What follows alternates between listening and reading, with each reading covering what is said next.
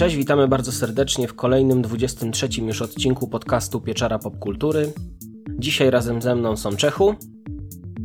Hej, hej. I Kuba. Jo.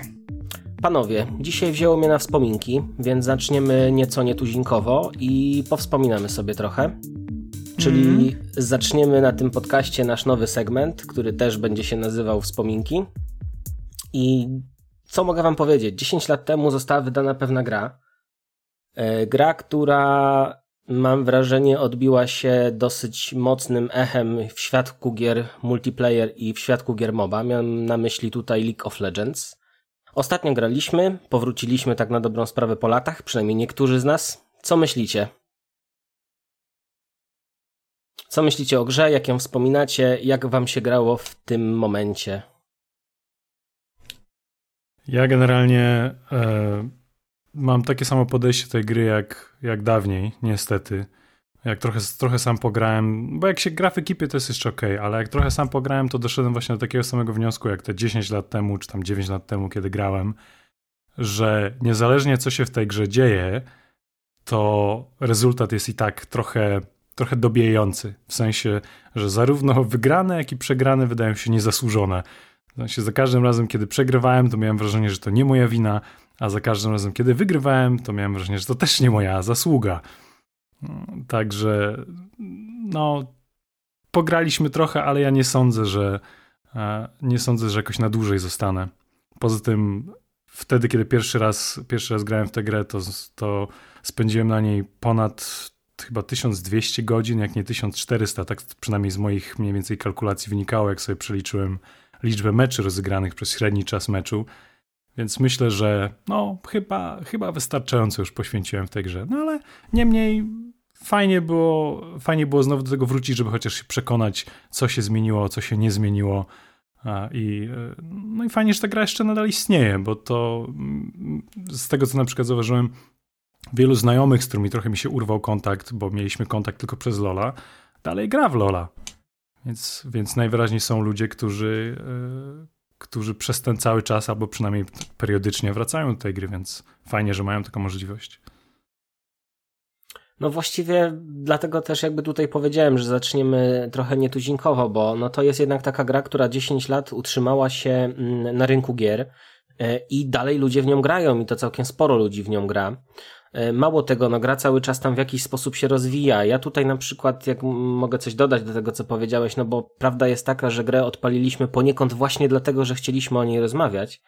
I też trochę mi się udało pograć. No mam dokładnie mm, tutaj te same odczucia co ty, jeżeli chodzi o samą grę.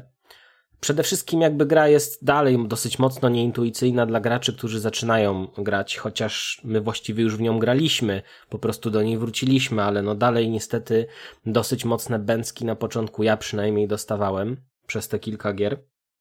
To jest rzecz jedna. Druga rzecz, dalej dokładnie tak samo toksyczna społeczność, która wtedy była, teraz też jest, mam wrażenie, że jest to dosyć mocno jednak już y, ukrócone przez Riot, ale w dalszym, w dalszym ciągu, w dalszym ciągu to występuje i trochę męczy jednak taka gra, jeśli wiesz, że musisz spędzić w grze 40 minut czy 45 minut i spoglądając na czat widzisz, jak ktoś po prostu tutaj nadużywa sobie twojej cierpliwości, cierpliwości innych graczy. No ale to już pomijając, pomijając to, w samą grę gra się fajnie dosyć w dalszym ciągu. No właściwie rzecz biorąc, jeśli chodzi o gry MOBA, no to no, wysyp był dosyć mocny, a co tak naprawdę zostało na rynku? No League of Legends i Dota dwójka. Heroes of the Storm powoli umiera.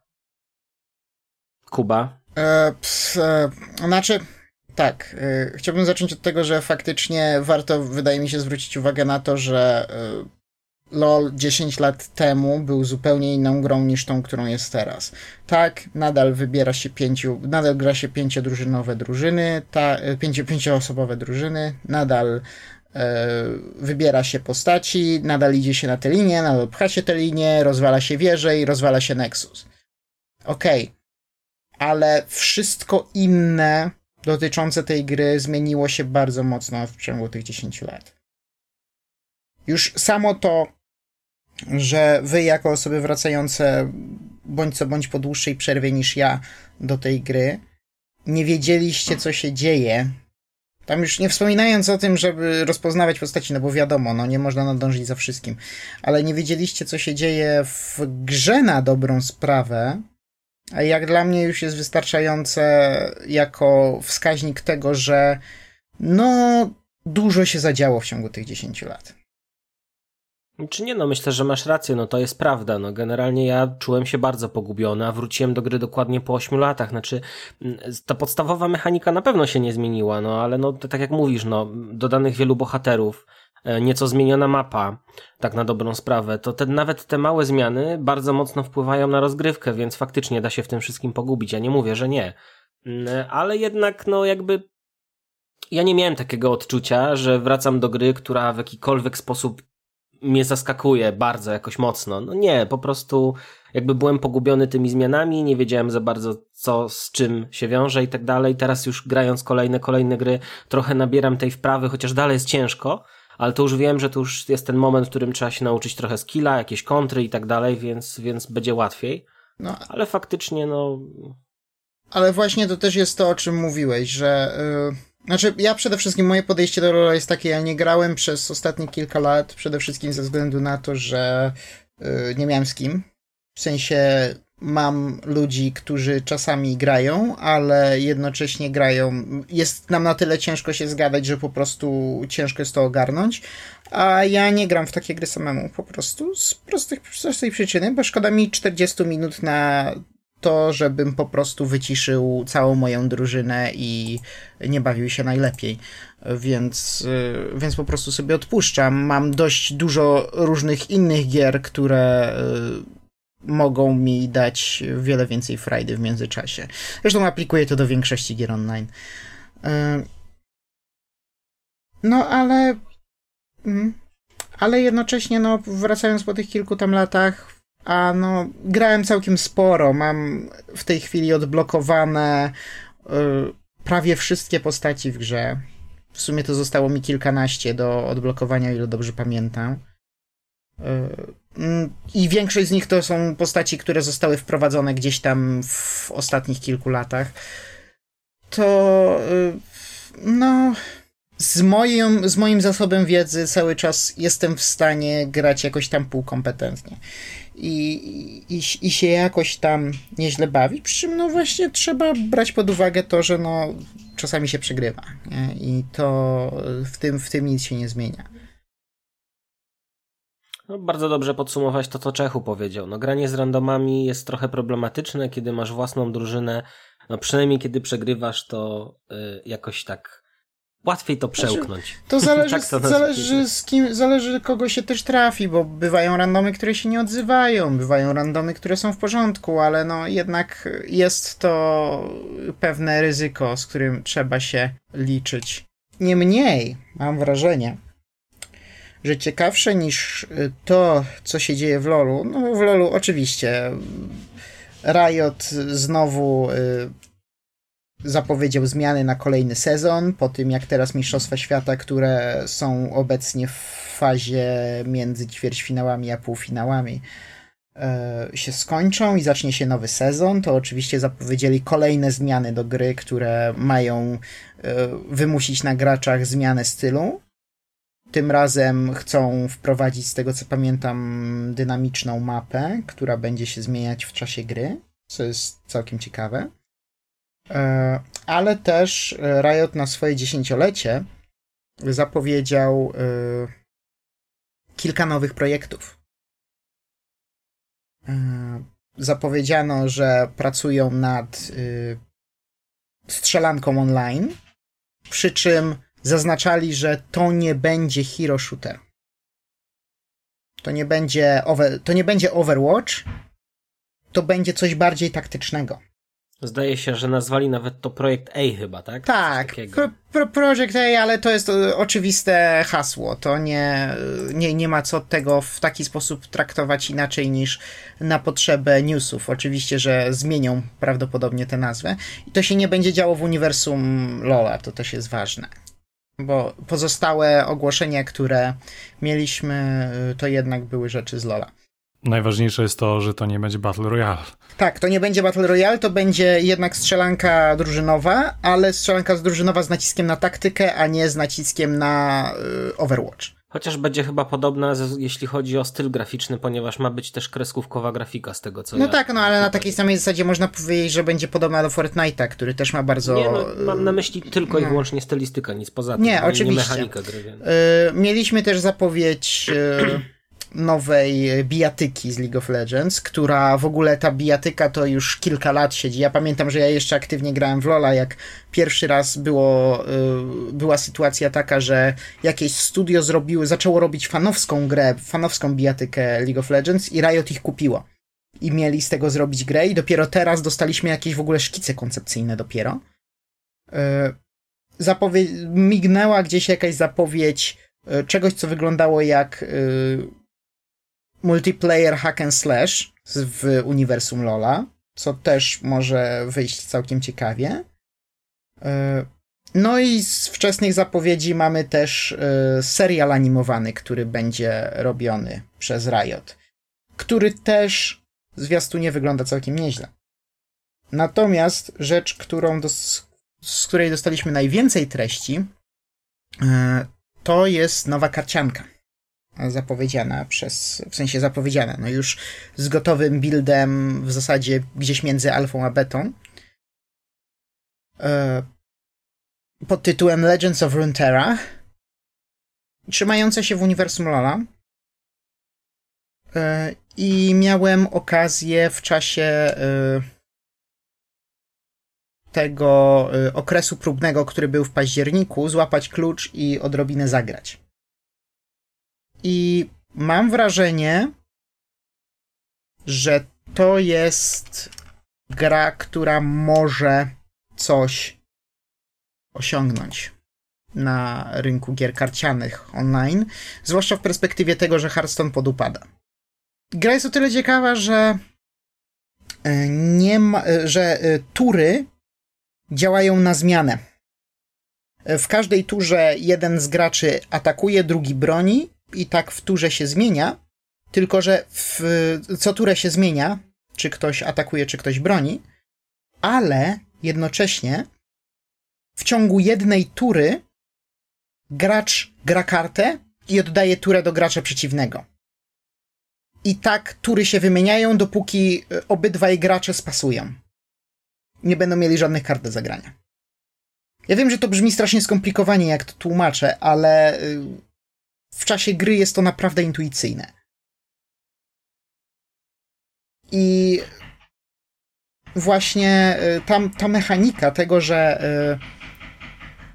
y, tego, że atakujesz albo bronisz, przeciwnik atakuje albo broni i musisz przewidzieć to, czy okej, okay, dobra, ale czy przeciwnik będzie teraz miał co do roboty, czy nie? Czy ja mogę spasować? Jeżeli spasuje, no to bardzo możliwe, że on też spasuje i oddam turę a może jeszcze coś bym w tej turze zrobił. Tego typu decyzje się dzieją. Czy wiesz co, brzmi to... to bardzo fajnie, tylko zastanawiam się, jak to będzie miało, mm, jakie to będzie miało przełożenie faktycznie później nagrywalność, bo no mieliśmy jednak ostatnio kilka karcianek, które ewidentnie spóźniły się z wejściem na rynek. Zastanawiam się, czy tutaj Riot też po nie w czasie trochę nie wydaje tej gry. Chociaż jak mówisz, że tutaj jest no, ciekawsza ta mechanika, mam nadzieję, że to się przyjmie, bo mam wrażenie, że brakuje jakiejś dobrej karcianki poza Hearthstone'em, nie? Prawda jest taka, że tą pustkę po Hearthstone już w tej chwili skutecznie zapełnia Magic the Gathering Arena. Co prawda on też ma, ta gra też ma swoje problemy, o których zresztą swego czasu pisałem na, na naszym e, profilu facebookowym. Teraz już trochę przestałem, bo też przestałem grać, ale jestem tyle na bieżąco jeszcze z Redditem, że widzę, że no, meta stała się dosyć toksyczna przez, przez dwie talie. Jedna talia już w tej chwili wypadła, bo została zbanowana. Ta talia oparta na Fields of the Dead, ale nadal e, nie wygląda to dobrze, chociażby też z tego względu, że Wizardci mocno cisną e, ten format standardowy mm, i e, wszystkie inne formaty próbują i próbują po prostu zniechęcić ludzi do grania we wszystkie inne formaty i wielu ludziom to się też nie podoba, ale jakby nie patrzeć, wydaje mi się, że w tej chwili Magiki i tak pochłonęły większość tych ludzi, którzy i dalej pochłania większość tych ludzi, którzy odchodzą z Hearthstone'a. Więc... Tylko właśnie, kwestią też jeszcze jest to, ciężko jest to określić na chwilę obecną w fazie testów, bo w fazie testów faktycznie Riot powiedział, macie tutaj tyle materiałów do kraftowania, ile potrzebujecie i zróbcie sobie jaką talię tylko chcecie, ale ogólnie ich wstępne rozpisanie tego obiecuje, że chcą zminimalizować to, ile pieniędzy trzeba wydać na grę. Zobaczymy. No to, znaczy, no zobaczymy. Brzmi, nie? to, brzmi to szczyt, brzmi to bardzo tutaj um, bardzo szlachetnie, ale czy coś z tego wyjdzie? Znaczy, chwilowo właśnie to wyglądało tak, że nie miałeś, jeżeli chodzi o materiały do craftingu, to y, nie miałeś tak jak na przykład masz w Hearthstone, że masz pył i z pyłu robisz karty i różne karty kosztują różny pył, tylko dostawałeś wildcards o konkretnej rzadkości. I te wildcards y, były właśnie na tej zasadzie, że no chcesz sobie wykraftować kartę legendarną, no to skorzy- skorzy- korzystasz z jednej wildcard, żeby to zrobić. Jasne, mi też wydaje się, że to jest generalnie lepszy system, ale to jest dokładnie ten system, który ma Arena i on też bardzo łatwo go zaburzyć. Prosty przykład. Na większość talii w Magicach na arenie potrzebuje około no teraz nie chcę dokładnej liczby podać, bo to ciężko, ale tak jedna trzecia do dwóch trzecich talii to są często rary, e, czyli te karty, karty rzadkie, a legendy to jest zwykle parę kart, czasem nawet jedna karta w talii a stosunek zdobywania legend do rarów jest kompletnie zaburzony. W sensie, kiedy próbowałem składać talię, to nigdy nie brakowało mi legend, bo tych, tych, wild, tych wildcardów zawsze miałem pod dostatkiem, ale ciągle brakowało mi rarów i przez to i tak nie mogłem złożyć większości talii, które chciałem. Więc zobaczymy, jak ten system będzie po prostu działał w praktyce, bo teraz to, to można tylko spekulować. E, to, to prawda. Też czekam na kolejny ten, na kolejny segment testowy, bo one mają być właśnie tak na tej zasadzie, przynajmniej w tym roku zapowiadali, bo gra ma mieć oficjalnie premierę gdzieś w 2020, ale przynajmniej w tym roku jest zapowiedziane tak, że y, przez y, te trzy miesiące, które mamy od października, ma by, mają być tygodniowe, próbne terminy, w których mają dodawać więcej kontentu też więc i rozsyłać więcej zaproszeń też i, i w ogóle testować to mocniej i bardziej. Więc ciekawi mnie, gdzie to pójdzie. Ale. A czy. Hmm? A czy było coś wspomniane o tym, na jakich platformach ta gra wystartuje? Bo e... moim zdaniem, jeżeli nie ruszy na mobilnych, ruszy na mobilnych. od razu. Będzie na mobilnych. Okay. Właśnie. Y, będzie to na mobilnych i więcej na mobilnych będzie y, też y, Teamfight Tactics, czyli ligowa wersja y, autoszachów, które rozpoczęły swoją y, karierę jako mod do Doty dwójki, a w tej chwili chyba najbardziej popularną wersją jest właśnie to, co proponuje Riot. Y, I na mobilne urządzenia i konsole, co ciekawe, Riot ma zamiar wydać League of Legends Wild Rift, które ma być właśnie ligą uproszczoną na potrzeby y, mobilne i konsolowe. Jednocześnie z... Uproszczoną to niekoniecznie, przebudowaną po prostu, Prze... bo oni no... nie powiedzieli, że tą grę uproszczą. Zobaczymy tak, tak naprawdę, co z tego wyjdzie. E, przede wszystkim wygląda bardzo ładnie. E, I e, trochę mi smutno, że przede wszystkim będzie to lądować na konsolach i urządzeniach przynośnych, bo niektóre modele postaci i animacje wyglądają naprawdę o wiele, wiele lepiej niż to, co mamy w tej chwili na e, komputerach. E, ale właśnie, jeżeli chodzi o ładny art, to jest jedna jeszcze rzecz, którą e, Legends of Frontera robi bardzo dobrze i to jest właśnie art. E, jeżeli chcecie sobie zobaczyć, jak to wygląda, to większość z rysunków na karty zostało stworzone przez studio Six More Vodka, to jest y, chyba niemieckie studio? Chyba tak. Nie wiem. E, w każdym wypadku oni zrobili znaczną większość y, tych, tych artów i one niesamowicie fajnie budują świat Lola. Prostu, bo o ile tam, jasne, no w grze mamy tam 100 pierdyliard ilu czempionów, każdy teoretycznie tworzy coś unikalnego oraz jest też Kajsa. E, więc e, natomiast w, e, w tej karciance mamy rozrysowane przeciętne postaci. Poza bohaterami, których znamy i lubimy albo gardzimy, mamy też standardowe, jakieś tam przeciętne postaci. Zwykłego żołnierza, zwykłego naukowca gdzieś tam, jakieś upiory z y, Shadow Isles. Tego typu rzeczy. Mamy y, kartę y, bojowych szefów kuchni z Demacji. I to faktycznie niesamowicie fajnie wybrzmiewa na tym arcie, gdzie mamy napakowanych bądź grubych szefów kuchni, którzy napierdzielają się z żołnierzami w pełnej zbroi.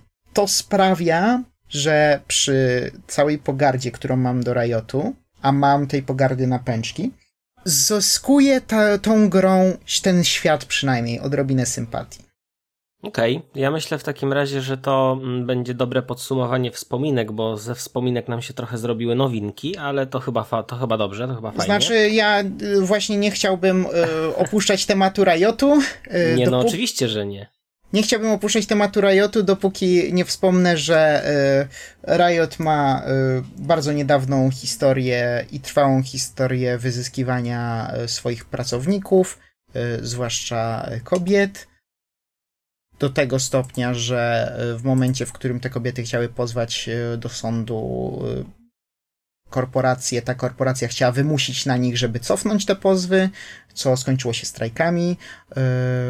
Szef, jeden z szefów Riotu, Scott Gelb, został bardzo wiarygodnie oskarżany o to, że w czasie pracy pierdział swoim pracownikom w twarz. E, oraz Riot jest w 100% kontrolowany przez chińską firmę Tencent, która ma powiązania z chińskim rządem, więc e, jeżeli dobrze się bawicie na LoLu, to ja nie mam zamiaru was osądzić w żaden sposób, ale warto jest być świadomym tych faktów. No cóż, nic dodać, nic ująć do tego, co powiedziałeś, więc ja proponuję może tym, y, tym akcentem już zakończyć tą rozmowę o League Tak, teraz mogę skończyć. I, no. Tak, i, i teraz przejdziemy y, właściwie do również równie kontrowersyjnego tematu, mam wrażenie, ponieważ za kilka dni zaczyna się BlizzCon. E, właściwie to już pierwszego, a przed BlizzConem, jeśli chodzi o Blizzard, wydarzyło się kilka srogich afer. Powiem szczerze, nawet nie wiem od czego zacząć, więc może wy mi pomożecie. Przybliżymy trochę to naszym słuchaczom.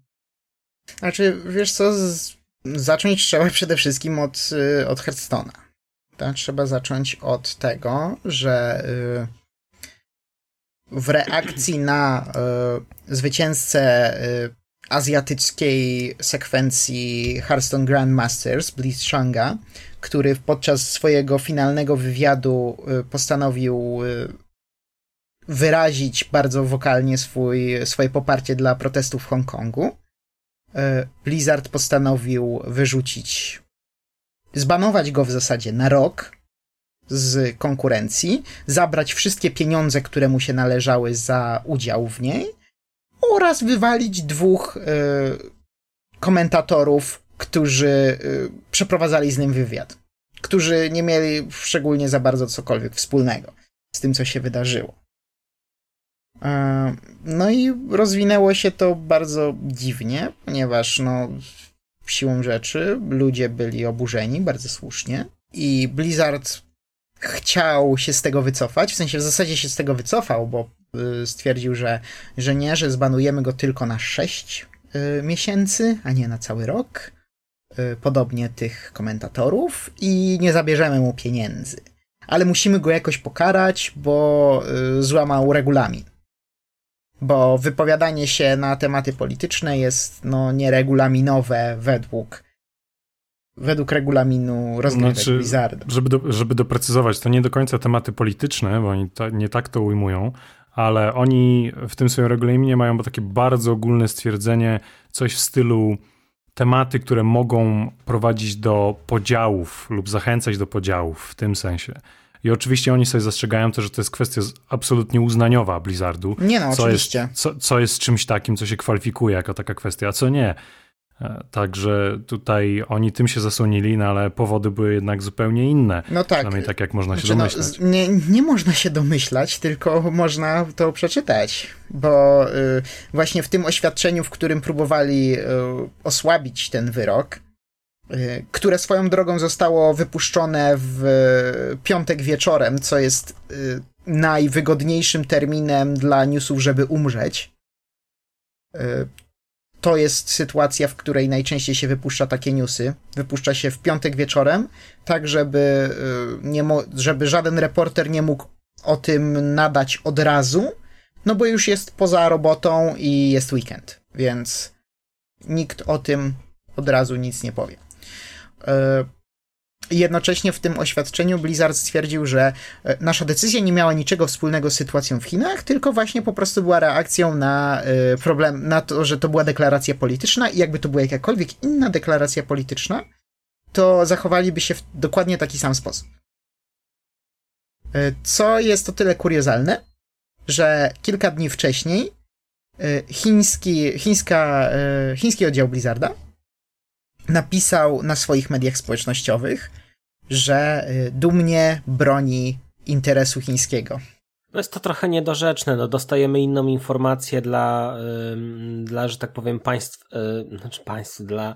Poza Chinami jest roz, rozwiewana inna informacja, w Chinach co innego, tak? No, no, no właśnie, jest, to, to, to, to, to jest coś, co to jest coś, co Blizzard jakby, zdaje się, że oni też wypuszczając jakby tutaj mm, jakąś informację dla mediów w Chinach wypuścili też zupełnie inną, tak? W sensie popierając dalej, dalej broniąc jakby tutaj reakcji na zbanowanie Blitzchanga. Znaczy, ja mam zdanie na ten temat bardzo mieszane, bo ja tak na dobrą sprawę no, zasadniczo wszyscy tutaj wiecie, ja jestem fanem Blizzarda, może nie Blizzarda, bo to źle, to jest bardzo źle powiedziane, gier Blizzarda, to, to już lepiej brzmi, e, ale generalnie no, nie da się nie zgodzić z tym, co powiedział Blitzchung, tak? No to jest coś, co mm, myślę każdy normalny człowiek jest w stanie tutaj, mając normalne poglądy polityczne, jest w stanie poprzeć.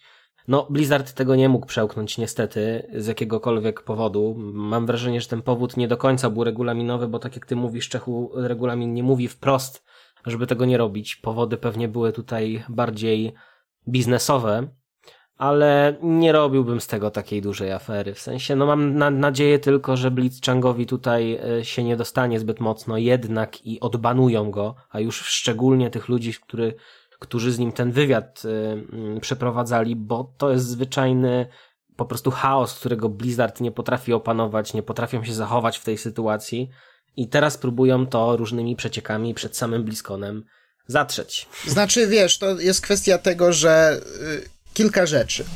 Ogólnie zgadzam się z tym, co napisał w swoim oświadczeniu y, Brian Kibler. Brian Kibler jest y, jednym z bardzo szanowanych graczy karcianych w ogóle. Y, wielokrotnie udzielał się w nie tylko społeczności Hearthstone'owej, ale też w społeczności Magica i pomagał Blizzardowi z tworzeniem World of Warcraft TCG, kiedy jeszcze World of Warcraft TCG było rzeczą. Nie wiem, czy pamiętacie, że coś takiego było, ja pamiętam. E, I on był też komentatorem dla Blizzarda w czasie tych Grandmasters, ale po tym, e, po tej całej sytuacji napisał w oświadczeniu, że nie może z czystym sumieniem cały czas dalej komentować dla Blizzarda.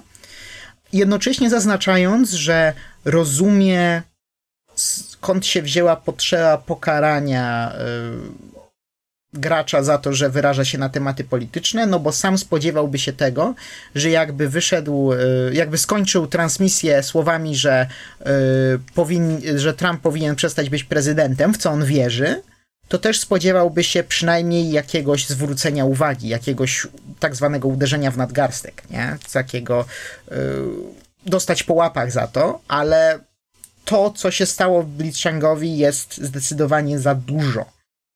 Da? Bo w momencie, w którym Blizzard stwierdza od razu, e, nie, e, schodzisz na rok i nie dostajesz żadnej kasy, która ci się należy i ci komentatorzy też schodzą, to już jest nadmierne. I rozumiem, że mógłby dostać po łapach właśnie za to, że o, nie możemy politycznie ten na tym, bo to jest gra i w ogóle, no to nie wiem, y, nie możesz, nie będziesz musiał znowu się kwalifikować do, y, do Grandmasters na następny sezon. Okej, okay. ale wywalić go na rok czy na pół roku to jest już dużo. To jest naprawdę dużo. No to prawda, no bo tak naprawdę on w ten sposób zarabia na życie grając i w tym momencie odbiera się mu, e, odbiera się, jeszcze odbiera się mu to, co już de facto wywalczył, tak? Poza tym, Wygrywając ten turniej. Poza tym mamy tę sytuację tak. Sytuacja na pewno jest biznesowa, nie oszukujmy się. E, Blizzard, e, Activision Blizzard, nazywajmy rzeczy po imieniu, ma 5% ma 5% udział y, firmy Tencent, o której już wspominałem w kontekście Riot Games, które jest w 100% posiadane przez Tencent. E, I ma ochotę trzymać się na rynku chińskim. E, a rynek chiński jest bardzo nieprzyjazny dla firm, które nie chcą się trzymać jego zasad. Kilka dni przed tym jak y, Blizzard postanowił zbanować Blitzchanga. W y, Stanach Zjednoczonych była y, głośniejsza sprawa dotycząca problemu Chin i tego, w jaki sposób korporacje mają się trzymać tego, co Chińczycy myślą. Dotycząca NBA. Nie wiem, czy słyszeliście o tym. Nie, nie, ja nie słyszałem, także powiedz, proszę. No, w NBA włożyło ostatnio całkiem sporo pieniędzy w to, żeby być transmitowanymi w Chinach. E, I jeden z. E, jeden z trenerów na swoim prywatnym Twitterze wrzucił grafikę popierającą protesty w Hongkongu. I w tym momencie Chiny stwierdziły: e, Nie, nie możemy, nie możemy już puszczać NBA. Już nie możemy. Koniec, nie będziemy puszczać NBA. No i NBA musiało się zdystansować od tego trenera i odciąć go i w ogóle i zrobić całą operację, w której e, gracze, e, koszykarze mówili, że Chiny są spoko i w ogóle, żeby Chińczycy w ogóle chcieli dalej trzymać NBA u siebie po tym jak ktoś prywatnie wyraził swoją opinię, która nie zgadzała się z polityką e, chińskiego rządu. No to jest kuriozalne, no opresyjną i dyktaturalną, żeby nie było. Jest to kuriozalne, za tym idą tak duże pieniądze, że jak widać, no nikt nie ugnie się przed Chinami. No właśnie to jest to. To nawet nie chodzi o udział w firmie, to chodzi o zysk, który jest z rynku. Bo Blizzard może sobie pozwolić na jakieś tam drobne zmiany w grze, że no, no dobra, no nie umarli, nie mają kości na wierzchu w WoWie w Chinach. No spoko, super, cokolwiek drobne zmiany w teksturach, ok. Albo gdzieś tam w treści. Ale yy, no w momencie, w którym dzieją się takie rzeczy, no to wiesz, no trochę za dużo. Trochę za dużo dla nich i oni muszą coś z tym zrobić, prawda? Dlatego yy, stwierdzono w internecie, że no, no to może spróbujmy, biorąc pod uwagę to, że Chińczycy niektórzy mają strasznie cienką skórę, jak y, prezydent Xi Jinping, który y, ze względu na to, że był porównywany bardzo często do Kubusia Puchatka, postanowił y, zakazać jakiegokolwiek wizerunku Kubusia Puchatka w chińskich mediach gracze, postan- gracze, czy ogólnie, nie, nie chcę właśnie, troszeczkę nie podoba mi się to, w jaki sposób całe, cała ta sytuacja jest sprowadzana do gracze kontra Blizzard, bo sytuacja jest o wiele szersza. Zwłaszcza, że gracze. To było bardzo duże uproszczenie, więc. No, to, to, zwłaszcza, to że, tak, że, zwłaszcza, że problemem jest to, że gracze za chwilę o tym zapomną. Bo gracze zaczną się jarać za chwilę przeciekiem o tym, że jest Overwatch drugi, albo że y, król Lisz znowu wstaje z tronu i ojeju, ojeju. Y, no szczerze mówiąc, to do tego właśnie chciałem przejść za moment. Mm-hmm. Nie, nie, jasne, już zaraz, zaraz zejdę z mojego pudełka, tylko skończę myśl postanowiono w internecie tworzyć fanarty z Mei z Overwatcha, licząc na to, że y, w momencie, w którym osiągnie się jakąś y, masę krytyczną Mei, która popiera protesty w Hongkongu, Chiny też zbanują jej wizerunek. Ale to chyba nie zadziałało. No, też mam takie wrażenie. No ale cóż, no, co można dużo powiedzieć? No, oby Blizzard wreszcie się ogarnął i zaczął prowadzić normalną politykę prasową. Nie będzie prowadził normalnej polityki prasowej, bo nie prowadzi normalnej polityki, yy, znaczy inaczej, prowadzi normalną politykę kapitalistyczną, a z, od tego nie ucieknie. No nie, nie ucieknie. No ale teraz jakby mm, kończąc już ten temat y, protestów i tej afery, tak jak mówiłem wcześniej, za kilka dni jest BlizzCon i ty już o tym wspomniałeś, Overwatch 2, Diablo 4, Diablo 2 Remaster, mm, e, Lich King powstaje, być może nowy dodatek do WoWa, w którym będziemy mieli okazję zwiedzić e, Shadowland, jeśli dobrze, jeśli mm. dobrze pamiętam. Dużo tego jest, bardzo dużo tego jest. No i teraz pytanie, czy to jest w pewnym sensie, pamiętacie zresztą jak rozmawialiśmy o poprzednim BlizzConie, i tej tragedii, która tam się wydarzyła, jeśli chodzi o brak totalnie żadnych zapowiedzi sensownych, to tutaj będziemy mieli ich przesyt. Widziałem więcej przecieków na ten temat, którym oczywiście nie wolno ufać, bo to anonimowe przecieki z Forczana. Y, I y, nie wiem, czy ludzie będą zadowoleni z tego, co Blizzard chce sobą zaoferować, jeżeli się sprawdzą. Powiedz coś więcej? Znaczy, w przeciekach, o których była mowa, to tak, no Overwatch 2 zgodnie z, wydaje mi się, z oczekiwaniami, bo nie można oczekiwać niczego innego, yy, będzie yy, grą przede wszystkim nastawioną na walkę z yy, hordami wrogów kontrolowanych przez sztuczną inteligencję, bardziej w stylu Left 4 Dead, czy wydarzeń sezonowych w Overwatchu, tych wspominających gdzieś tam przeszłość historii, ponieważ w Overwatchu jakikolwiek lore dzieje się tylko i wyłącznie w przeszłości, ale właśnie to ma być Overwatch 2. Ma być przede wszystkim nastawiony na kooperacyjną walkę przeciwko sztucznej inteligencji, co jak dla mnie jest y, spodziewane, biorąc pod uwagę to, że pierwszy Overwatch cały czas ma wsparcie, włącznie ze wsparciem esportowym. Y, no Więc właśnie... to jest takie. Hmm? No właśnie tutaj mam wrażenie, wiesz, że to będzie coś w rodzaju tego, co zrobił Epic z Fortnite'em, to znaczy taki Fortnite rozdział drugi, tak? I tutaj to samo, Overwatch rozdział drugi, no bo przecież nie mogą zabić tej gry e, i wydawać drugiej części ze względu na to, po pierwsze, że ci gracze, którzy grają w pierwszą część zostaliby totalnie na lodzie, no i co, drugi raz płacimy za właściwie te same postaci, za ten sam content? No nie, no to nie jest chyba tego typu gra, którą można w ten sposób po prostu porzucić, mm, e, więc wydaje mi się, że to będzie jakaś forma aktualizacji do części pierwszej, nie wiem czy płatna, czy niepłatna, ale to by miało sens przynajmniej, nie? E, spodziewam się, że w 100% płatna, bo nie tak się robi. No też mi się tak wydaje, mm. ale wiesz, ale tutaj miałem jakąś nadzieję po prostu, że Blizzard mm. doda wreszcie jakiś sensowny content, więcej kontentu przynajmniej do tej gry e, niż robił to do tej pory, bo póki co, no ja jednak jestem chyba większym zwolennikiem Paladins, jeśli chodzi o, o, o, o tego typu gry, to Overwatch trochę mnie nudzi już czasem, ale. Natomiast przeciek, przeciek dotyczący Diablo 4, który widziałem, sugerował, że Diablo 4 miałaby być grą z perspektywy pierwszej osoby na silniku Overwatcha, która miałaby y, próbować zagarnąć y, obszar rynku ten y, looter shooter dla gier fantazy który jest niszą niezagospodarowaną. Jak to mówisz, momencie. to mnie serce zaczęło boleć po prostu momentalnie. Nie no, mówię, to są przecieki od Anonima z Forczana, który twierdzi, że Blizzard go wywalił i teraz może gadać, nie? Więc yy, nie, no może jasne. się potwierdzić, może nie.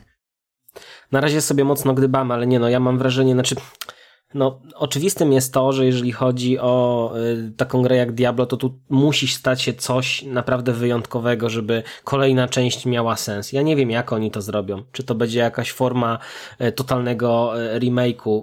Nie mam zielonego pojęcia, ale mam nadzieję, że wymyślą coś, co będzie sensowne, ale zmienianie gry y, action RPG, czyli hack and slash w grę z perspektywy pierwszej osoby, no nie, no mam nadzieję, że nie zrobią tego mojej ulubionej serii bo będę płakać 1 listopada o godzinie 20, jeśli tak zrobią. Ja myślę, że prawie na pewno tak zrobią. W sensie nie, może nie do końca tak, ale na pewno jakaś zmiana, bo hack and slashy są niszowym gatunkiem. Na hack and slashach nie da się za bardzo zarobić kasy, a przynajmniej nie wszystkiej kasy, jaka istnieje na ziemi, a do tego przecież Activision do, dąży.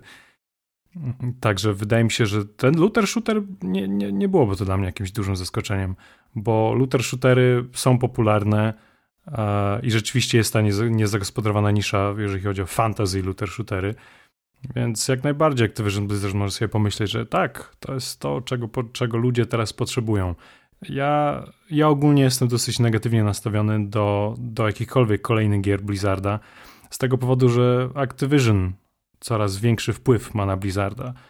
Więc nie sądzę, że nie sądzę, że zobaczymy coś, co będzie tutaj powrotem do świetności. Myślę, że to będzie powolny upadek, ale no może się mylę, mam nadzieję, że się mylę, ale tak niestety ja bym to widział. Mimo, mimo że mam wrażenie, że macie dużo racji obydwoje tutaj w tym, co mówicie, ja po prostu mam nadzieję, że to jednak będzie jakiś, jak, jakiś rozwój mm, dążył tutaj w kierunku dalej gry hack and slash, bo wydaje mi się, że to się da tak, tak połączyć, żeby gra jednocześnie po pierwsze latami przynosiła jakieś zyski Blizzardowi um, i żeby oni wydawali jakiś content do tej gry, jednocześnie muszą jakąś wprowadzić jakiś esport, tak, do tego Diablo. No bo jeżeli tego nie zrobią, to znowu będą mieli grę, która, którą po prostu będą no bo umówmy się tak, no zaraz zacznie się po Bliskonie najprawdopodobniej, usłyszymy o tym, że w Diablo 3 będzie 19 sezon. W tych sezonach niewiele się zmienia. Dostaliśmy tylko i wyłącznie jeden tak naprawdę dodatek. Nie liczę tej postaci dodatkowej, która w postaci nekromantów, bo to był śmiech na sali tak naprawdę, żeby wydawać w postaci płatnego dodatku jedną, jedną nową klasę postaci. To jest bez sensu. E, więc to, co powiedzieliście, teraz do mnie to doszło, że to, to może być prawda. Mam nadzieję, że to nie będzie prawda. No ale znaczy, taka... Badziu, Jestem w ciężkim szoku. Badziu, to, to się da zrobić. Oczywiście, że to się da zrobić. Znaczy, ja nie wiem jak, e, ale to jest na pewno możliwe, bo widzieliśmy mm, wiele takich przypadków, kiedy gatunek, który uważany był za martwy, nagle ktoś redefiniuje i ludzie się na to rzucają. Tylko, że wydaje mi się, że to się nie wydarzy, dlatego że zrobienie czegoś nowego z hack slasha wymagałoby podjęcia pewnego ryzyka. A duże korporacje, w tym Activision w szczególności, ma taką wersję do podejmowania ryzyka, jak tylko można sobie wyobrazić. Więc myślę, że oni, jeżeli zredefiniują Diablo, to w, tylko w kierunku czegoś, co uważają za względnie bezpieczne, jak na przykład looter shooter. No naprawdę myślicie, że to jest tak, taki bezpieczny kierunek, żeby aż tak bardzo zmienić e, wizerunek tej serii? Bo to jednak jest spora zmiana. To jest spora zmiana, ale myślę, że w głowach korporacyjnych ludzi, w głowach Bo Bobiego Kotika, dajmy na to, to może być bezpieczna zmiana. No bo ja po prostu myślę, że oni zdają sobie sprawę, że, że hack and slash w obecnej postaci nie ma zbyt e, tutaj światłej przyszłości. Więc jakaś zmiana jest wymagana. Znaczy, wiesz, przynajmniej ja bym to, to jest, widział. To jest tak. W jaki sposób monetyzujesz hack and slasha? No, tak jak oni to zrobili, jest, e, w, w, to można, jak, w sensie tak jak Diablo no, znaczy, Trójka, nie? No, tak, jak, jak, jak Diablo Trójka, ale to już im raz wypaliło w twarz, prawda? Zrobienie y, domu aukcyjnego za prawdziwe pieniądze i zmanipulowanie gry w taki sposób, żeby korzystanie z tego domu aukcyjnego było y, poniekąd koniecznością. Y, ale y, jasne, ale w sytuacji, w której utrzymujesz hack and slasha tak jak masz Diablo, to na przykład nie zrobisz pieniędzy na kosmetycznych rzeczach. Bo twoja postać jest albo zbyt daleko od kamery, albo tak czy inaczej co chwilę wymieniasz ekwipunek. Więc nie zrobisz pieniędzy na tym, żeby kupić sobie specjalną skórkę dla postaci. A w looter shooterze już możesz. No tak, tak odpadają tak naprawdę wszystkie te kosmetyczne rzeczy, które można byłoby spieniężyć, ponieważ cały czas, tak jak ty mówisz, coś ci wypada, coś zmieniasz, no transmogryfikacje ewentualne mogłyby być płatne, ale no pytanie, czy ktoś by to łyknął. No, no myślę, że znaleźliby się tacy ludzie, ale, ale no...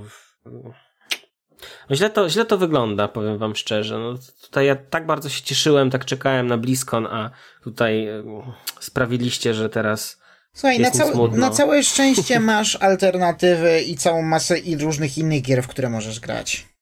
No, trzeba się będzie zainteresować chyba Pillars of Eternity. Y, to nie Pillars of Eternity, tylko Path of Exile, przepraszam. Właśnie o to chodzi, że y, ja dlatego też obstaję przy tym, że hack and stały się niszowe, bo od czasu Diablo trójki, od czasu premiery Diablo trójki, które było prawie 10 lat temu, wyszło tyle hack and slashy, że naprawdę ludzie po prostu myślę, że przynajmniej mainstream ma już trochę tego dosyć. E, ja dalej gram i ogrywam wszystko, nie prawie że wszystko, co wychodzi, po prostu lubię ten gatunek, ale no, to, to nie jest coś, czym przeciętny gracz w tej chwili jest zainteresowany. Właśnie przez to, że tyle tego było i, e, i tak mało ten gatunek się zmienił zasadniczo przez te wszystkie lata. Dlatego, czy jest przyszłość? Jest, myślę, że jest, ale czy to będzie, czy, czy to, tą, w tą przyszłość wprowadzi hack and slash Activision Blizzard? Wątpię.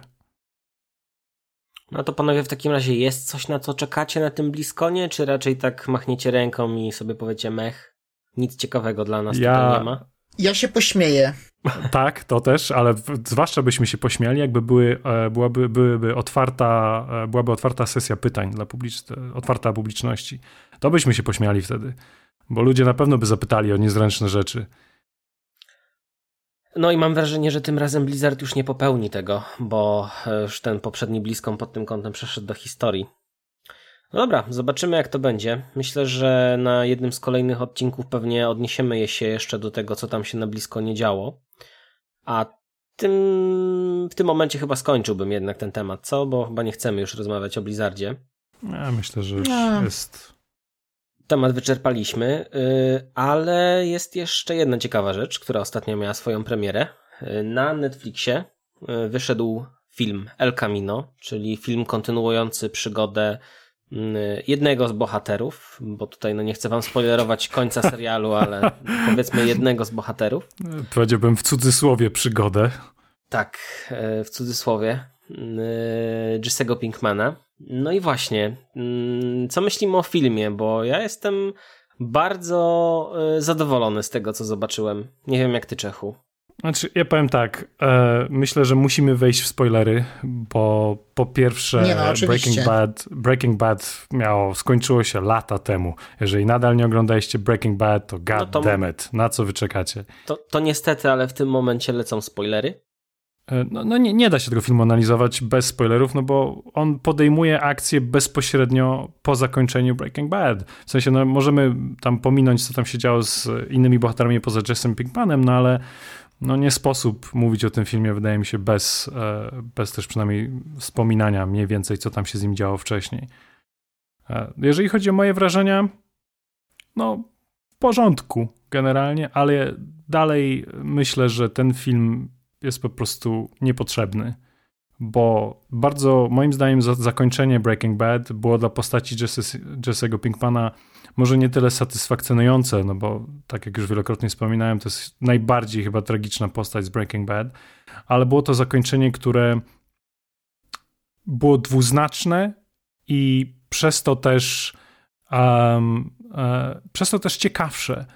Bo ja jestem zdania, że nie, nie każde, nie wszystko musi być wypowiedziane i nie wszystko musi, trzeba tutaj wprost zawsze dodać, zaznaczyć, wytłumaczyć lubię, jeżeli pewne rzeczy zostawione są po prostu w kwestii domysłów, zwłaszcza, że to zakończenie, w którym, tutaj już wchodzimy bezpośrednio w spoilery, e, w którym Jesse Pinkman w końcu wolny, przynajmniej fizycznie wolny od Waltera White'a, po prostu wsiada do auta e, i, i odjeżdża w ciemną noc, e, śmiejąc się i płacząc, ciężko powiedzieć tak naprawdę, co się z nim dzieje emocjonalnie, ale będąc kompletnie roz, roz, roztrzęsiony, to było, to było dobre zakończenie, to było mocne zakończenie, to było zakończenie w stylu fizycznie Pinkman jest wolny, ale czy tak naprawdę jest wolny, czy kiedykolwiek będzie wolny od Waltera White'a.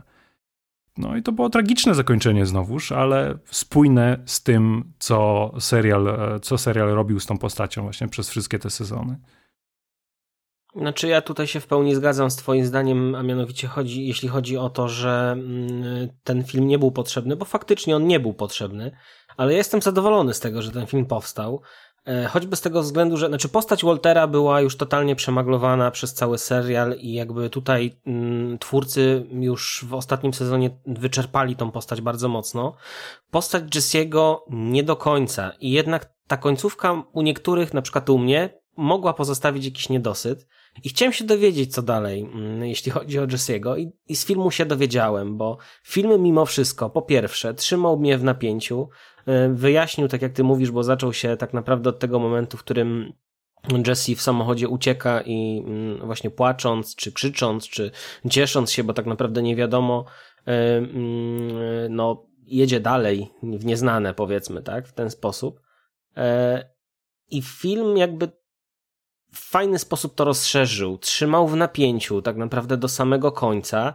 Y, jest e, jego estetyka jest bardzo podobna do estetyki serialu, w sensie to, jak został nakręcony, to, jak jest przedstawiona historia, więc y, mimo, że to jest praktycznie dwugodzinna, e, dwugodzinny film, to mi się go oglądało tak jak serial, naprawdę, na jeden raz i ja byłem bardzo zadowolony, jeśli chodzi o, o, o seans. Jeżeli chodzi o e, walory artystyczne, że tak powiem, no to tutaj no bez dwóch zdań, no za, za film odpowiada Vince Gilligan, e, jeden z twórców e, Breaking Bad, więc tutaj no też nie mam do czego się przyczepić pod, pod tym kątem, to oglądało się świetnie. I też rzeczywiście były momenty, które trochę trzymałem w napięciu, ale dla mnie ten film był trochę rozciągnięty. To był taki, trochę taki przydługi epilog, tak, tak ja to odebrałem. No to prawda, okej. Okay. Ja powiem tak. Nie domagałem się tego filmu w żaden sposób. Nie potrzebowałem go. Ale fajnie, że powstał. Chociażby dla tej jednej sceny, w której y, Jesse wychodzi z cienia z pistoletem namierzonym na gościa. Po prostu. To jest.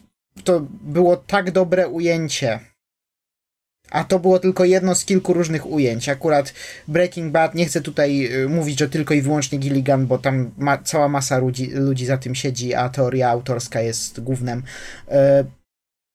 Y, Breaking Bad umie w kinematografię. Umie w kinematografię bardzo dobrze.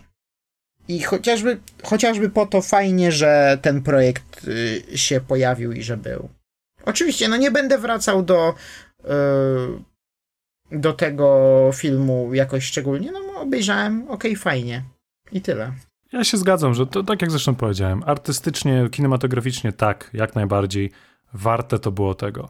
Ale pod kątem zakończenia, no bo zakończenie filmu jest no, stricte pozytywne, inaczej, tego, inaczej nie można na to spojrzeć.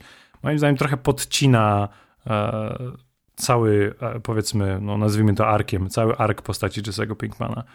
Ale jak tak. dla mnie dobrze, fajnie, zasługuje na to. Nie, no tak, okej. Okay. Pod, pod, pod tym względem się zgodzę, że przynosi, tak jak pisałem na fejsie, że przynosi to pewne ukojenie do tej postaci, co jest w pewnym sensie pozytywne. Mm, ale jednak wolałem to, to, to dwuznaczne zakończenie. Wolałem, wolałem, żeby to było zostawione tak, jak było.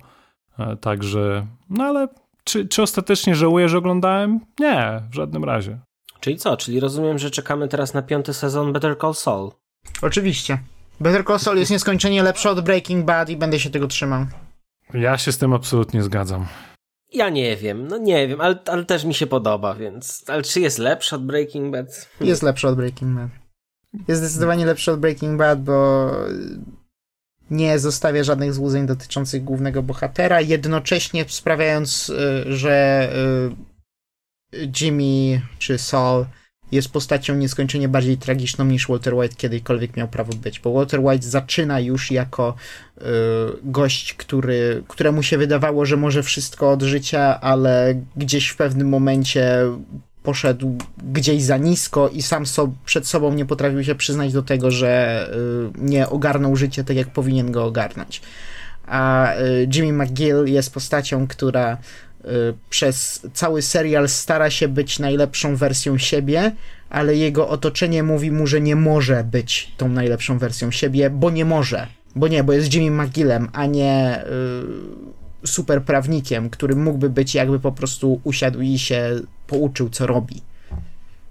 To Dokładnie. prawda. Stara się zmienić, a wszystko jest tak naprawdę przeciwko niemu. No, to, to, to jest racja. Też, e, e, też też te relacje pomiędzy bohaterami są wiele bardziej skomplikowane i przez to wiele bardziej ciekawe w, w Better Call Saul, bo na przykład Breaking Bad to wygląda w ten sposób, że początkowo początkowo mówię, zwykle widzowie kibicują Walterowi, no bo wydaje się, że rzeczywiście on chce dobrze, ale potem jest ten moment e, tego obrotu 180 stopni, gdzie kiedy zdajemy sobie, że Walter White tak naprawdę jest złoczyńcą. Znaczy, no, I... Walter White jest złoczyńcą od momentów, kiedy dusi zbira na śmierć w swojej piwnicy, a później rozpuszcza go w wannie. No Aha. tak, ale w, w, mimo, mimo tego mam wrażenie, że e, wiele ludzi jeszcze wtedy było w stanie to, że tak powiem, okej, okay, usprawiedliwić jakoś nawet. Mm, I e, przez to też e, te relacje, tak jak przynajmniej pamiętam, czytałem, czytałem Reddita, w zasadzie grubo po czasie, bo tak naprawdę oglądałem Breaking Bad też po czasie, to widziałem reakcje ludzi były na przykład takie, że na, na relację Waltera White'a z y, jego żoną, kurczę, nie pamiętam, że jak ona się nazywała. Skyler, dokładnie. E, początkowo ludzie nie cierpieli Skyler i chwalili Waltera White'a, a w pewnym momencie to się odwróciło. Tymczasem mm, w Better Call Saul, na przykład relacje pomiędzy właśnie Jimmym a Chuckiem są od początku skomplikowane i niejasne. Nie wiadomo tak naprawdę, kto jest winien tego, te, te, te, temu, jak życie Jimmy'ego się potoczyło? Czy sam Jimmy? Czy Chuck też jest w pewnym sensie współwinny? Czy Chuck jest tym złym? Czy to Jimmy jest tym złym? Wszystko jest o wiele bardziej no, skomplikowane po prostu, tak jak wydaje mi się w prawdziwym życiu. E, więc e, przez to też mm, Saul wydaje mi się no, lepsze, jeżeli chodzi o te relacje między postaciami. Ciekawsze. Nie no, zdecydowanie. Ja, ja pełna zgoda tutaj. Przekonaliście mnie, tak wam powiem. Przekonaliście mnie w takim razie, czuję się przekonany. E, no ale okej, okay, no to w takim razie myślę, że temat El Camino, Breaking Bad i póki co Better Call Saul też zamkniemy. E, ale no co, czekamy na piąty sezon. Jak pojawi się piąty sezon i go obejrzymy, to na pewno będziemy mieli coś na ten temat do powiedzenia, więc jeszcze o tym usłyszycie. A mm -hmm. teraz czas na grzybobranie. O nie. No, no wiesz co, no ja mam takie fajne pytania. Nie, no słuchaj, no jeżeli rzucasz we mnie czymkolwiek, to ja to wezmę, nie? No. no. Zobaczymy, co tam wyciągniemy z kosza, czy to taką... będą pieczary, czy muchomory. No, ja już tutaj właśnie sobie wyjąłem przed sobą, mam, mam, mam listę, gdzie, gdzie będę tutaj wam przyznawał punkty. Więc y, startujemy w takim razie.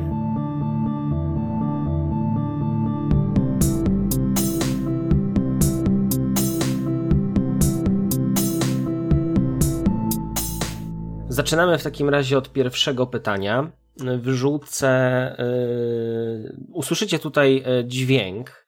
Dźwięk z pewnego serialu animowanego, i chciałbym wiedzieć, yy, z jakiego serialu ten dźwięk pochodzi.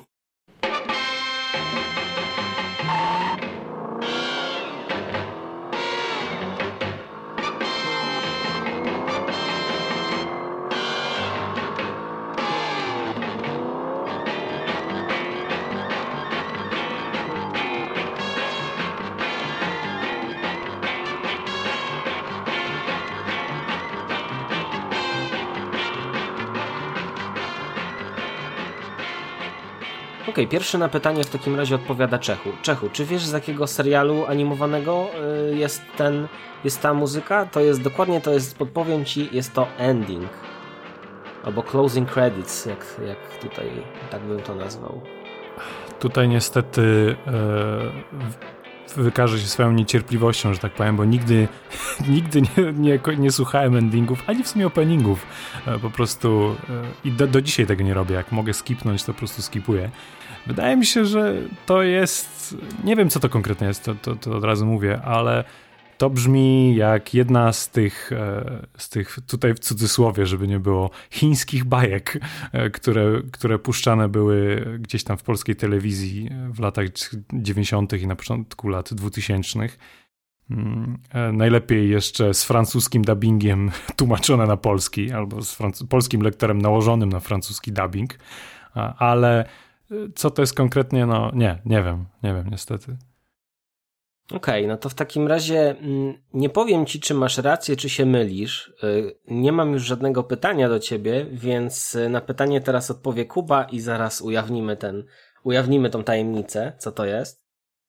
Kuba, czy wiesz w takim razie mm, z jakiego serialu animowanego jest e, ta muzyka? Podpowiem ci, tak jak podpowiedziałem Czechowi, jest to ending, closing credits, więc pytanie ending? do ciebie, czy wiesz co to może być? Nie wiem, ale mogę spróbować strzelić. W sensie... No spróbuj, spróbuj. Kojarzy mi się to z...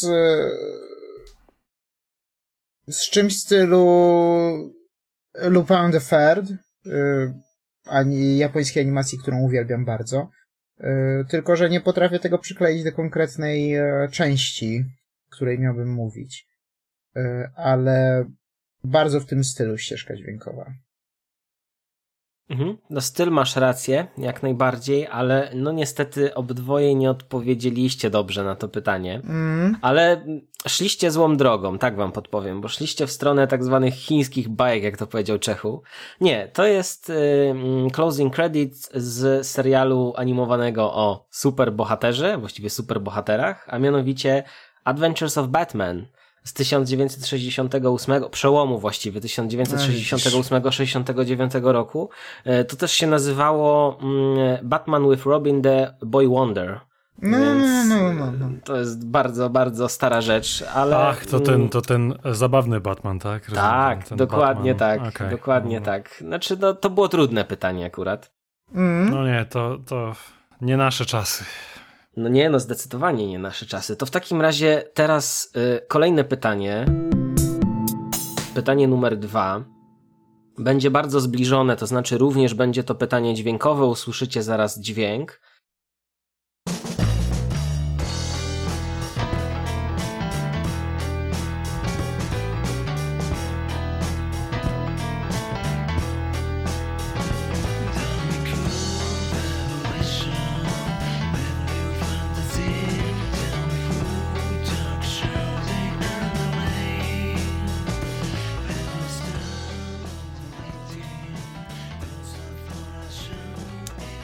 No, no tak. No to już, już po chwili, jak rozumiem. Aha, aha, aha. Załapałeś. No to co, to wracaj tutaj do mnie. Już nie musisz dalej e, słuchać. Znaczy ja sobie zostawię na słuchaniu, bo ja lubię ten kawałek bardzo. No ja e, też. To jest opening z pierwszego animowanego serialu Helsinga. E, Dokładnie. Główny tak bohater, jest. czyli... E, Alucard. Pamiętasz jaka, e, kim była jego przełożona? Yy, no to była Wiktoria Helsing, nie? Dobrze pamiętam nazwisko? Yy, tak, Integra. Integra, Integra właśnie, Integra. Helsing, dokładnie. I, tak, Pamiętasz, Integra jak, jaki miała przydomek? A, i tego już nie pamiętam, ale pamiętam tyle, że pierwszy anim, pierwsza animacja y, była dobra tylko przez chwilę, bo później troszeczkę odleciała od mangi i to już się nie trzymało kupy za bardzo. No, OVA zdecydowanie do, była dopiero, Dopiero OVA to, to nadrobiło, ale szczerze mówiąc ja czytałem oryginał i no... E, to jest o tyle ciekawa seria, że Kota Hirano, bo bodajże tak się nazywa mangaka, e, zanim e, napisał Helsinga, to tworzył tylko i wyłącznie hentaje. E, I Helsing był jego jedyną, e, był jego pierwszym e, tytułem, który nie był pornografią. I, jednocześnie jest to tytuł, w którym tylko raz pojawia się tak zwany panty shot. Co jest całkiem ciekawe, biorąc pod uwagę historię mangaki. No i po skończonym Helsingu jeszcze zabrał się za kolejną serię Drifters, która podchodzi do tematu takiego bardziej tak zwanego isekai, czyli e, gatunku, który opiera się o inny świat, do którego trafiają bohaterowie z naszego świata. No nic dodać, nic ująć, powiem ci. Zgarnąłeś naprawdę tutaj w tym pytaniu całą pulę, także dwie pieczarki. No to Czechu, w takim razie pytanie do ciebie, jeśli już przeczyta, przesłuchałeś sobie ten fragment. E, z jakiego anime pochodzi ten opening, to intro? Ha. Szczerze, nie wiem. Nie wiem, czy to jest coś, co oglądałem w ogóle, albo czy co coś, co kojarzę. Pierwsze, co mi przyszło do głowy, to, oczywiście to nie to, ale trochę podobno. Strzelać. E, nie, znaczy to, to nawet nie będzie strzał, bo to, to, to nie może być to, skoro mówisz anime, ale pierwsze co mi przyszło do głowy, że trochę podobna nuta jak w niektórych e, e, motywach dźwiękowych w Personie piące. No ale no nie, to na pewno nie to. Mm, nie, nie wiem, nie wiem. To znaczy, hmm, raczej, raczej to nie jest jakiś shonen, tak, tak, tak mi się wydaje, słuchając tego, bo to jest opening, tak? To jest opening, tak. To jest intro, intro y, do, hmm. do anime. No, moja tutaj pięta achillesowa, bo znowuż, tak jak mówiłem wcześniej, nigdy nie słucham tych openingów. To jest błąd? To jest błąd. No ja wiem. Ja Openingi wiem, i endingi to integralna część animacji, zwłaszcza animacji japońskiej. E, ja wiem, ale mimo wszystko.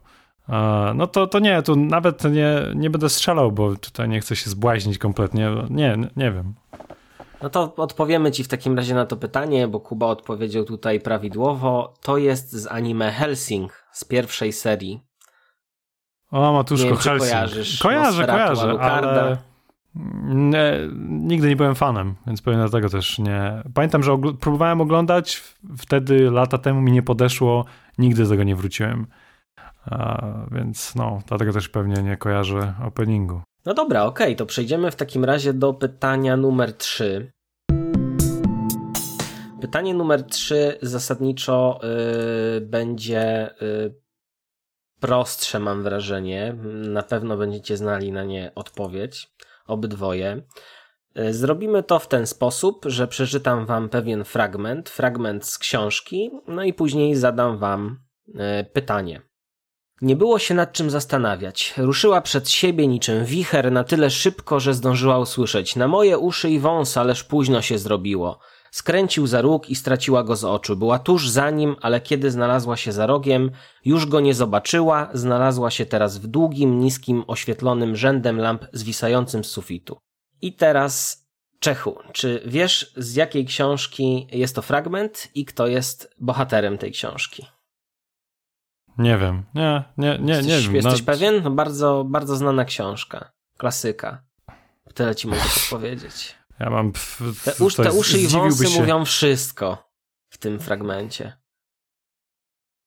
wąsy. Nie, serio, nie wiem, bo e, tutaj zdziwiłbyś się, że tak powiem, jakie braki potrafię mieć, jeżeli chodzi o klasykę, bo e, zwłaszcza, że jeżeli to jest coś, co czytało się za dzieciaka albo za młodzika, że tak powiem. No, mój, no, trafiłeś. No, bo mój stosunek do tych książek wtedy, do, ogólnie do książek, nie do tych książek, ale do książek był um, niespecjalnie pozytywny, powiem tak. Zacząłem czytać dopiero e, w, w dorosłości, że tak powiem, więcej. A, także nie, nie wiem. No dobra, no to w takim razie mm, teraz na pytanie odpowie Kuba. Kuba, y, potrzebujesz, abym przeczytał ci to jeszcze raz? Czy... Nie, no to bardzo wyraźnie była Alicja w Krainie Czarów, nie? Y, tak, dokładnie, to była Alicja w Krainie Czarów. Czyli Lewis Carroll, nie oczywiście yy, książka, która ma reputację bycia książką dla dzieci, a totalnie nią nie jest. Yy, i e, prawdopodobnie była pisana na jakimś solidnym haju związanym z jakimiś e, substancjami psychoaktywnymi. Powiedziałbym, że wszystko się zgadza, ale nie wiem, co autor brał, więc tutaj ci nie powiem. Znaczy ja też nie, ale biorąc pod uwagę to, w jaki sposób to wygląda, to yy, istnieje rzeczywiste prawdopodobieństwo. Yy, nie ja zawsze lubiłem żabry zwłoka. To jest fajny, fajna ten, fajna nazwa. No, jak najbardziej. E, kojarzysz e, ten fragment, jak rozumiem? Wiesz, e, który to jest moment? Znaczy, no ten fragment, który przeczytałeś, no to mhm. Biały Królik, nie? Dokładnie, no to no. sam początek książki. No tak, tak, tak. Kiedy Alicja za nim goni, tak naprawdę, nie? No dobra, okej. Okay. W takim razie mm, teraz przejdziemy do pytania numer 4 pytanie numer cztery będzie również tutaj tekstowe. Przeczytam wam fragment książki, spytam was e, skąd ten fragment pochodzi. Próbował uderzać garnkiem o rozmaite przedmioty, ale ponieważ nie widział, o co uderza, nic mu to nie pomogło. Próbował jeszcze wygramolić się z pułapki, a że nic przed sobą nie widział, tylko garnek, a i tego niewiele, był zupełnie bezradny. Wreszcie podniósł w górę łebek razem z garnkiem i wydał z siebie głośny, rozdzierający jęk smutku i rozpaczy. Jak myślisz, z jakiej książki? Nie mam pojęcia. Nie masz pojęcia? Jesteś, jesteś pewny? Nie, nie, nie. nie to też prób... jest klasyka, tak ci podpowiem trochę. Eee... Hmm, hmm, hmm, hmm. To będzie strzał. Okay. Bardzo, bardzo strzał. Dawaj. Ale nie wiem, Kubuś Puchatek? No idealny strzał. Tak to troszeczkę brzmiało. Idealny strzał w takim razie, dostajesz punkt. Wiesz, kto jest autorem książki? Yy, no, Miln, nie? I Dokładnie. co ciekawe, yy, tutaj znowu yy, ciekawostka tłumaczeniowa. W oryginale Winnie the Pooh, w oryginalnej książce oryginale, Winnie to jest imię żeńskie, e, a nie męskie. W związku z czym istniało też tłumaczenie e, względnie świeże, wydaje mi się, e, materiału źródłowego, gdzie zamiast Kubusia Puchatka mamy Fredzie Phi I ja szanuję to tłumaczenie bardzo. Ale no później przed Disney zrobił co zrobił. Cóż, to ty tutaj jesteś ekspertem od tłumaczeń, ale zgadłeś, więc punkcik jak Mhm. najbardziej się należy. Teraz będzie kolejna y, Czecha. Czy wiesz, y, kto jest bohaterem tej książki, z jakiej książki jest to fragment? E, ku powszechnemu zaskoczeniu powiem, że nie, nie, nie, nie wiem, nie wiem. Podpowiem tylko, że to też jest klasyka. Kuba na początku również nie wiedział, ale strzelił i trafił, więc może ty też spróbujesz. Ach, klasyka, no klasyka czego? Klasyka literatury? No zakładam, że nie jest to Dostojewski. Powiedziałbym, że to jest klasyka literatury dziecięcej. Mało tego, dzisiaj jeszcze jedna podpowiedź. Na podcaście padł bohater tej książki. No, coś To jest wiem, ciekawe. Wiem o co chodzi, tego też nie czytałem. Chodzi, znaczy domyślam się o co chodzi. Chodzi o Kubusia Puchatka? Dokładnie, No, dokładnie. Bardzo dobry strzał. Też, też nie czytałem. A no widzisz, powinieneś nadrobić, bo to jest y, naprawdę fajna rzecz. Y, Okej, to w takim razie co? Kończymy grzybobranie. Y, Słuchajcie, no punktów nie muszę liczyć, ze względu na to, że tutaj Kuba odpowiedział na dwa pytania, właściwie w pełni prawidłowo, trzecie strzelił. E, Ty z Czechu tutaj nam strzeliłeś to czwarte pytanie, więc no punktacją wygrywa tutaj Kuba. E, Co, trudne były te pytania? Znaczy, no to pierwszy, z tym pierwszym to zaszalałeś trochę, to prawda. No, z tym pierwszym tak, ale to wiecie, tak ostatni odcinek, Joker, nie, wiecie, tak, taki flow miał być, no. Znaczy, te rzeczy to mówię, trochę nie moja bajka, że tak powiem. No.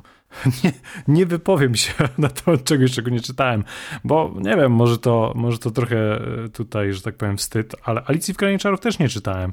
Znaczy, jedynie we fragmentach, ale nie, nie, nie mogę powiedzieć, żebym kiedyś usiadł i przeczytał od początku do końca. Ale słuchaj, ty jesteś na doktoracie ile lat więcej niż ja. Ty powinieneś być ekspertem od znania rzeczy, których nie czytałeś. znaczy, powiem tak, jeżeli ktoś mi e, powie, na czym mam się znać, to ja tutaj bardzo będę e, wiarygodnie przekonywał, że się znam. Ale to tylko, to tylko złudzenie ekspertyzy i to na tym to się wszystko zasadza. Nie no, słuchajcie, co by nie mówić, pytania były dosyć trudne, no odgadnąć y, jakby tutaj y, z fragmentu książki to, to, to jest nie lada y, wyzwanie, więc i faktycznie to pierwsze pytanie, jeśli chodzi o ten ending również nie było zbyt proste. No ale okej, no grzybobranie mamy już za sobą i co? Myślę, że kończymy. tym wesołym i fajnym akcentem. Zapraszamy naszych słuchaczy na kolejny odcinek, zapraszamy na naszego Facebooka, na naszego Instagrama, na stronę internetową pieczarapopkultury.pl. E, Lajkujcie, mm, ripostujcie, mm, dajcie nam jakiś feedback, e, jak Wam się podobało, o czym chcielibyście usłyszeć na kolejnych odcinkach. Mm, No i co, żegnają się z Wami w takim razie Czechu Trzymajcie się na razie. I Kuba. Na razie. Do usłyszenia, cześć.